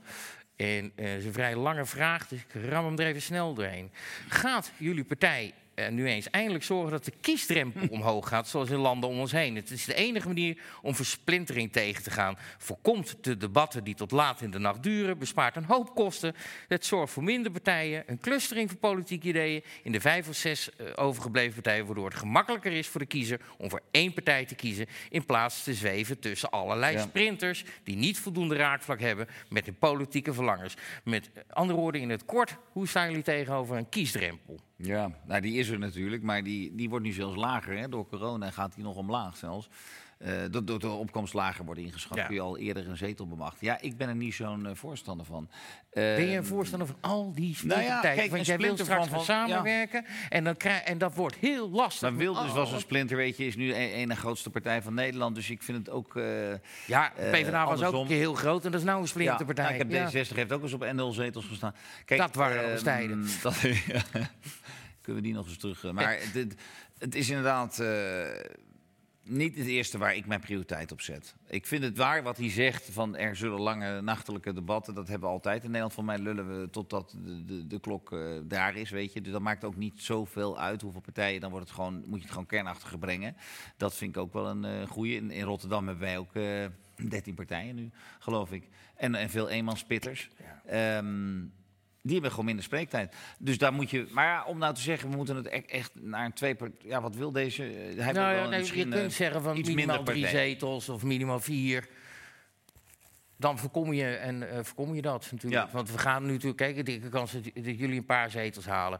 Richard de Mos met Code Oranje denk ik ook wel een zeteltje. Dan heb je bij één misschien ook nog wel een zeteltje. Volt heeft nog een zeteltje. Denk heeft twee, drie zeteltjes. SGP twee, drie zeteltjes. Poeh. Ja, dat, het, wordt, ja, het is vrij uniek ook in Europa. Hè. Dan denk ik dat wij zoveel Maar is partijen het wenselijk? hebben. Is het wenselijk? Ja, ik, ik vind het een... eh, ja, misschien kan je het iets verhogen, zou ik zeggen. Van, eh, twee, eh, als, je nou, als je nou vier, vijf partijen met één zetel krijgt... Is dat, dan zal, zal die discussie wel komen. Ik vind het zelf niet het belangrijkste op dit moment om dat aan de orde te staan. Pak jij vraag twee? Ja, natuurlijk. Eh, van eh Lunatic. Lunatiek, hoe zullen we, hoe zullen we Ja. het noemen vanavond? Komt-ie, even kijken. Persoonlijk sympathiseer ik met het programma van FVD. Maar dat is een verloren zaak en kansloos om te regeren. Ik wil realistische verandering. Ik neig naar Ja 21, omdat zij ook in de Eerste Kamer een ruim aandeel hebben... en daarmee een interessante coalitiepartner kunnen zijn. Ik neig ook naar Code Oranje. Want ook, even kijken hoor. Want ook goede programmastandpunten, maar ondanks veel lokale steun lijkt dat nog geen stemmentrekker. Waar zou, en hier komt de vraag, waar zou ik buiten de redenen hierboven voor ja 21 gaan en niet voor code oranje? Dus even gaan trash talken naar eh, Richard de Mos. Ja. nou, dat moet iedereen helemaal zelf weten, maar... Ja, ik denk dat wij er beter voor staan. En dat is best een reden om, eh, los van de inhoud... want ik denk dat wij ook een, een realistische rechtse partij zijn... en Oranje is meer een eh, bottom-up partij. Lokalo's eh, verzamelen. Ombudspolitiek. Ombudspolitiek. Beetje vaag. Eh, dus ik...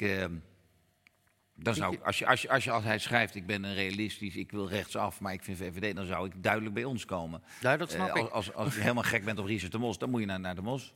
Maar je- jij zegt eh, een beetje vaag. Eh, Nou, ik vind niet een hele duidelijke agenda. Nou, ik vind die ombudspolitiek vind ja. een heel sterk punt. Maar dat leeft vooral, ja, vaag. Maar dat leeft, leeft vooral lokaal. Hè? Ik bedoel, zo, hebben wij, zo heeft de Mos ook in Den Haag gewerkt. En dat doen, doen wij ook in Rotterdam. Dan doe je veel eh, naar de mensen luisteren en de, de, de gordijnen open. En, ehm, en, en, en vertel waar heeft u last van. En dat doet de Mos fantastisch natuurlijk. Die heeft het in, in Den Haag heel goed gedaan. Eh, niet voor niks de grootste geworden. Ja, Maar om dat landelijk neer te zetten, dat je het hele land door te... Ja, ik heb meer de indruk dat je dan aan de mensen ook duidelijk moet maken van... hier sta ik voor, dit is mijn, eh, mijn beleid. Wij zeggen gewoon, dit is onze top drie. Eh, migratie, EU, klimaat, daar gaan we voor. Realistisch verhaal, eh, no nonsense, op je doel af. Daar doen we het voor. Ik vertel wat ik wil. En dat, dat vind ik daar wat minder duidelijk. Ik denk dat, dat kiezers daar ook een beetje mee worstelen. Los van, van mensen die sympathie hebben voor het idee... dat je zegt, nou, ombuds is, hè, het idee van de ombudsman is natuurlijk prima. Maar ehm, ja, kijk, ik vind lokaal, ik ben zelf een lokale partij. En ik vind dat is ook echt iets wat lokaal leeft. Ik vraag me af of dat nou een, een, een, grote winstpakker is. als je nou zegt, we gaan het hele lokale nationaal vertalen. Ik heb daar wat aarzeling mee. Ik Jij? hoop dat Lunatic... eh, Ja, maar jij ook antwoord zwevende beant- kiezer. Want ik zie je Ik, nog eh, steeds zweven namelijk. ik zweef nog steeds, maar ik neem hem wel mee. Dankjewel. Weer Jack. Vraag aan de heer Eertmans. Waar ik van hem en van Annabel Nanninga naar meermaals vragen, maar geen reactie krijg op Twitter. Dus ik heb hem eh, Ah. voor de jongen maar eventjes eh, erin gegooid. Wat is het standpunt van ja 21 Juist. ten opzichte van de jacht en beheer? Kijk, die hoort weer bij onze Jan Kees Vogelaar thuis. Dat is onze... Ja, dat is onze- Ogelaar. Jan Kees Vogelaar is Ja. onze landbouwman, dus die weet alles van de jacht. Ik ben voor jacht, eh, waar, het, eh, waar, het, eh, waar de wildstand mee in evenwicht wordt gebracht. Ik ben niet zo van de plezierjacht, maar dat is eerlijk gezegd... Wat kan je nog zeggen, dat is eigenlijk dier- diervriendelijk. Als je daar over dat element hebt, dan dat je de, de beestjes achter elkaar in een, in een bio-industrie plaatst. Daar moet je ook eerlijk over zijn. Dus ik eet liever op mijn bordje iets wat in het wild geschoten is dan... Dit meest biologische uit, stukje ja, vlees. Ja, zo is het wel. Goed, nou, dat was even een snelle tussendoor. Pak jij de laatste? Ja, en dit vind ik een zeer waardige laatste vraag. Ik denk dat het misschien wel de belangrijkste vraag is. Van reaguurder Flash Forward.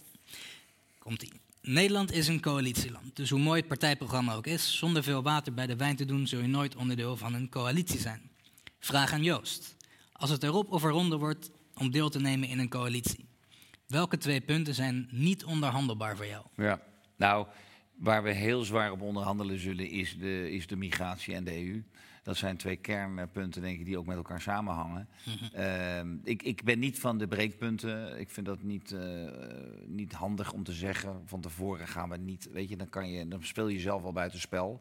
Maar waar we het zeer zwaar op zullen pakken, is, zijn die twee punten. Daarvoor zijn we er ook in feite. Dat zal voor elke partij wel gelden. Dus dat moet je ook elkaar gunnen. Ik denk dat het, het niet kan dat wij in een coalitie stappen waarbij die twee punten niet eh, duidelijk een andere koers gaan krijgen naar rechts. En dat zal de kiezer ook van ons verlangen. Ja, migratie en EU. EU, dus, hè? ja. En dan met EU nog even terug. Terug naar die. Dus je wilt het liefst gewoon die gemeenschap van Europese staten. En, eh, nou, dat klinkt mij weer veel te Guy Verhofstadt in de oren de hele tijd. Maar je, hebt Ja, je het schrijft het zelf gehaald. op We in je programma, Een prachtige zin geweest. Van, eh, maar dat, dat, dat, dat betekent eigenlijk dat we zeggen... er moet een opt-out komen op het asielbeleid. Daar moet aan gewerkt worden. We moeten een st- strenge inperking krijgen. Grenscontroles. eh, vliegende brigades dus om de boel die gelukzoekers tegen te houden. Ja. En er zal een afdracht, eh, absoluut een minder, minder afdracht moeten naar de Europese kas. En, en eh, een vooruitzicht dat wij niet de gekke Henkie blijven op het Europees toneel. Ja. Dus dat EU-standpunt is ook primair een migratiestandpunt, als ik het zo hoor. Nou, het is ook een monetair standpunt, hè, dat je niet blijft afdragen voor Zuid-Europa. Daar moet een punt achter gezet worden. En ik weet niet en, hè, tot hoever je kan komen, maar daar zullen we ons heel, heel hard doen. Wat iemand wel terecht zegt, is dat we acht zetels in de Eerste Kamer hebben. Daar wordt natuurlijk wel naar gekeken, want in, in, in ons land moet je door de, door de Tweede, maar ook door de Eerste Kamer komen. En daar heeft geen enkele partij zoveel zetels, tenminste van de nieuwkomers niet, als wij. Dus stem je op ja 21, dan stem je ook op een forse basis in de Eerste Kamer. En dat is echt, echt jongens, dat is heel belangrijk als jij iets Nou wil ja, veranderen zeker belangrijk. in Nederland. Ja. En ehm, welke punten zijn wel onderhandelbaar? Nou, ik ben, kijk, law and order. Nee, dat is altijd een goede, op zich een goede vraag. Ik ben eh, nogal met veiligheid hebben wij ook een vrij eh, stevige paragraaf eh, opgezet. Ehm, ik noem dat de onrechtsstaat waarin we beland zijn. Ja, serieus. Je hebt een, een zeer zwak rendement als je kijkt naar van alle misdrijven hoeveel we er oplossen. Nou, ik zal het allemaal niet. Dat leg ik nog een andere keer uit. Maar ja, daar vinden wij bijvoorbeeld minimumstraf eh, belangrijk op, op zware delicten. Moord, doodslag. Wij zeggen levenslang moet mogelijk worden voor mensen die pedoseksuele delicten plegen. Eh, bijvoorbeeld eh, hè, mensen als eh, een eh, Robert M. Daar, daar is geen levenslang voor mogelijk nu. Nou, dat vind ik heel belangrijk, maar daar kun je natuurlijk wel, daar kan je dan in de onderhandelen. Dat is lastig, hè? Want van, van echt levenslang zegt men eigenlijk dat is zo'n onevenredig zware straf. Dat mag ook niet meer hè, van Europa. Dan komt een toetscommissie na 25 jaar kijken of het, eh, Nou, of het niet toch... eh, hoe we die gekke Ja, of uit zo Del- eh, eh, nog... eh, De Dels het- uit het koetsiertje, die is net losgelaten. Die had levenslang. Ja, dus levenslang is niet meer levenslang. Dat weten de mensen ook niet allemaal. Maar dat, dat is dus al voorbij. Maar wij vinden dat het in ieder geval mogelijk moet zijn... om eh, naast TBS wel levenslang op te leggen voor dit soort delicten. Dat iemand niet meer vrijkomt. Want ik vecht ook nog tegen het Europese, het Europees Hof... dat wij wel vinden, dat is al even wij, het Burgercomité tegen Onrecht... dat ik heb opgericht.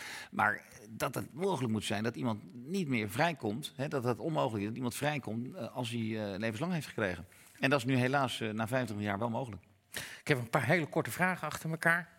Eh, ehm, wat heb jij in de afgelopen tien jaar concreet bereikt waar de burger wat van heeft meegemaakt? Nou, dat heb ik altijd op mijn website staan, want dat vind ik een hele goede vraag. Eh, Ik heb een lijstje gemaakt van dingen die ik in de Kamer heb bereikt. Straf op dierenmishandeling verhoogd. Een, eh, Wapengeweld eh, fors aangepakt. Ehm, eh, dierenwelzijn heb ik, eh, die heb ik al genoemd. Bureaucratie heb ik een aantal zaken. Dat, staat daar dus al, dat is al lang geleden, dat dus 15, 18 jaar geleden. Ik heb als wethouder een lijstje gemaakt. Daar vind ik de belangrijkste zijn de skeefhuizen.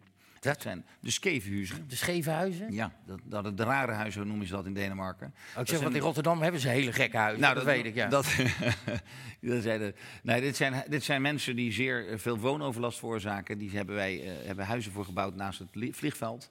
Dat ze daar in containerwoningen eh, buiten de bewoonde wereld kunnen leven. Eh, zodat ze niet meer tot last zijn voor de mensen in de, in de flats. En dat is... eh, Dat werkt. Dat werkt. Die, die zitten daar en het, eh, de woonoverlast is in die, in die flats, in die portieken tot nul gedaald. Dus dat, hebben we echt, dat vind ik gewoon heel erg mooi. Dat we dat gewoon bereikt hebben voor die mensen. Dat ze daar gewoon zo tot in een hel zaten. De hele nacht zat er iemand op een gitaar te spelen, moet je je voorstellen. Helemaal van het padje af. En die werden daar dan, de- werd af en toe kwam er een hulpverlener langs. En nu hebben ze er gewoon uit huis geplaatst, in de skeefhuizen, bij het vliegveld. En, ze is en het is rustig. Een mooi, een, een mooi leuk ludiek woord voor containerwoning. Nou, het wordt, een, het wordt in de volksmond het ASO, het ASO-dorp genoemd. Maar dat, dat vind ik niet heel, dat klinkt natuurlijk niet prettig, maar dat, dat is eigenlijk eh, zoals het, het is wel wat het is. Het is voor een groot Ja. deel wel wat het Ja, is. het is jammer en, dat en ze worden daar wel goed begeleid. En die mensen zijn ook, worden ook eigenlijk weer klaargemaakt om dan toch weer in te stromen onder, onder bepaalde voorwaarden in de, in, de, in de bewoonde wereld, als ze het aan kunnen. Goed. Maar daar ben ik gewoon trots op. En we hebben ook Oké. surveillant op de metro gezet. Dus ik heb dat lijstje op mijn website joosteerdmans.nl. Tom. Ja, allemaal bij Joost kunnen ze de nee, maar ik vind echt dat zij fortuin al. U kunt mij afrekenen op wat ik doe. En dat moeten, dat moeten politici ook vaker doen. Van, joh, dit heb ik voor u bereikt en dit is niet gelukt, maar zo. En dat staat Fair gewoon op mijn website. En wat is het eerste wat je, welk wetsvoorstel, welke motie, wat het eerste wat je Absoluut. De nieuwe eh, migratiewet ga ik als wetsvoorstel indienen als Kamerlid. Dat is het eerste wetsvoorstel dat ik indien. Namelijk een, eh, dat is een herzien asielbeleid.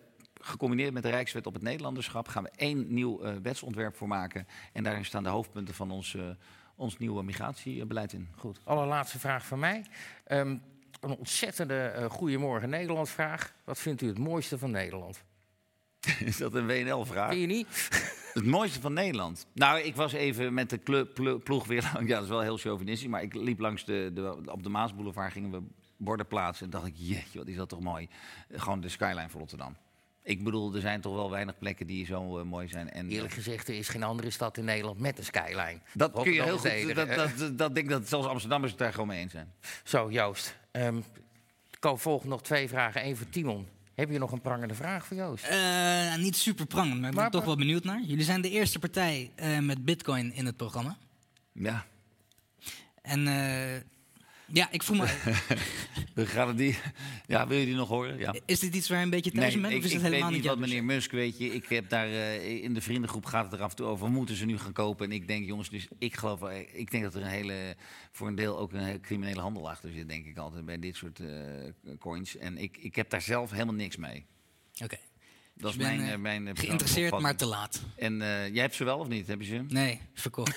verkocht? Ja. Te Nee, vroeg. ik geloof er, niet, ik geloof er eigenlijk niet in. Maar Met 100% dat laat ik wel verlies. over aan specialisten. Inderdaad, eh, je kunt er misschien heel snel rijk van worden. Maar het is niet mijn ding. Oké. Beste Joost, we mochten allemaal tutoyeren Ja. natuurlijk. Hè.